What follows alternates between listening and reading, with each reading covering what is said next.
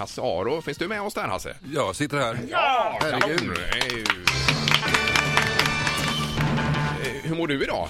Jag mår jättebra, hur mår ni? Eh, toppen. Fint. Vi har eh, följt val. Har du också följt valet? Nej, jag gjorde faktiskt inte det. Jag gick och la mig igår kväll och sen vaknade jag i morse och så var Obama fortfarande president. Ja, det är samma här. Vi har Jag inte tyckte det var en bra, bra liksom, kortversion av hela valet. Ja, men det gjorde ju helt rätt. För när jag åkte till jobbet i morse, först då, 05.16 Mm. eh, ropar de till och säger att eh, Nu är det klart. Obama sitter kvar. nu är det Ja, klart. Ja, Ja. ja, men det känns, eh, det känns som en bra morgon detta. För- Men nu är det ett nytt program. Det är ju lite åt samma håll kan man säga.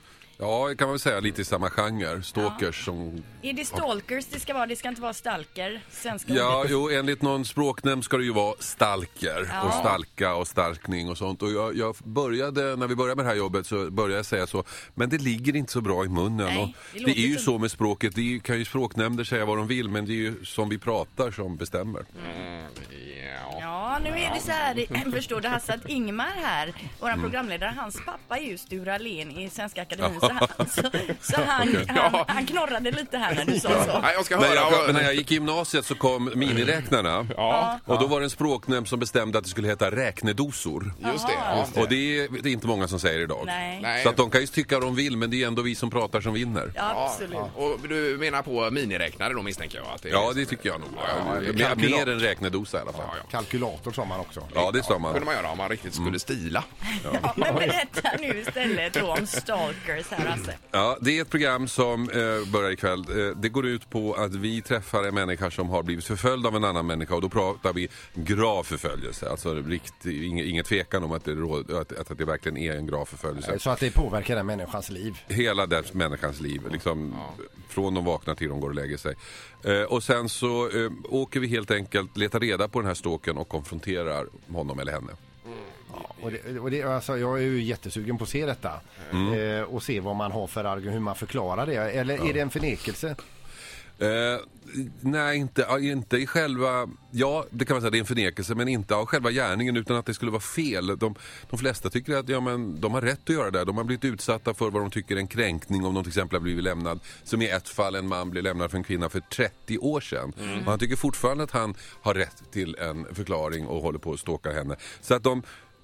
De, de kan tycka, de kan medge det de gör men ingen tycker att det är fel. Men stalkers, alltså egentligen, är, de inte, är det inte en sjuk handling? Är inte det en sjuk Jo, person? det är ju det som är grejen. Va? Att man, när, man, när man konfronterar dem, när man pratar med dem. Om man tror, om man tror sig få ett, ett resonemang som logiskt där man ska få någon slags förklaring så, så misstror man. För att de, de jobbar ju lite på en annan plan halva. Ja. Eh, Men är, är det bara så att säga privatpersoner sinsemellan eller är det även där man alltså stalkar kändisar och så vidare? Ja, det, är, det finns ju olika typer av, av stalkning och, och det, kändisar är ju, är, är ju vanligt och där har vi det första programmet som går ikväll handlar ju om eh, Bonde Susanne som var med i Bonde söker fru. Är det hon som är hästbonden? Eller? vad? Just det, precis. Ja. Och hon har ju då i flera år blivit förföljd av en man som hon inte vet vem det är och som hon inte känner. Men han tror att de är ihop. Eh, Okej. Herregud. Men det, det måste ju vara sjukligt så, så att säga. Ja, han var ju sjuk på riktigt. Och sen så, honom lyckades vi spåra upp så småningom. Eh, polisen eh, var i, kom i hack i häl och grep honom och ha, det blev rättegång. Då visade det sig att han var ju dömd för barnamord i Norge. Åh herregud. herregud, Herregud. vilken story. Men Och det det- är detta vi får se ikväll alltså? det, nu det är då? kvällens program. Ja. Du får jag bara fråga, det, det som ni kommer upp med, det, och det kanske är, eh, eh, eh, det kanske är naturligt att det är så, men, men får, får, ni, får, anvä- får, ni, får den som är stalkad använda detta som bevismaterial, era tv-material?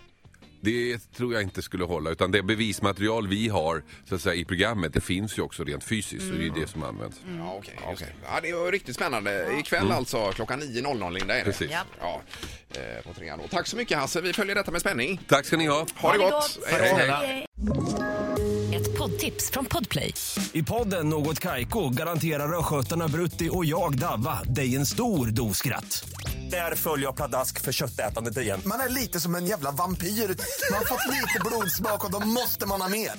Udda spaningar, fängslande anekdoter och en och annan arg rant. Jag måste ha mitt kaffe på morgonen för annars är jag ingen trevlig människa. Då är du ingen trevlig människa, punkt. Något Kaiko, hör du på Podplay. Därför arkadeinerna.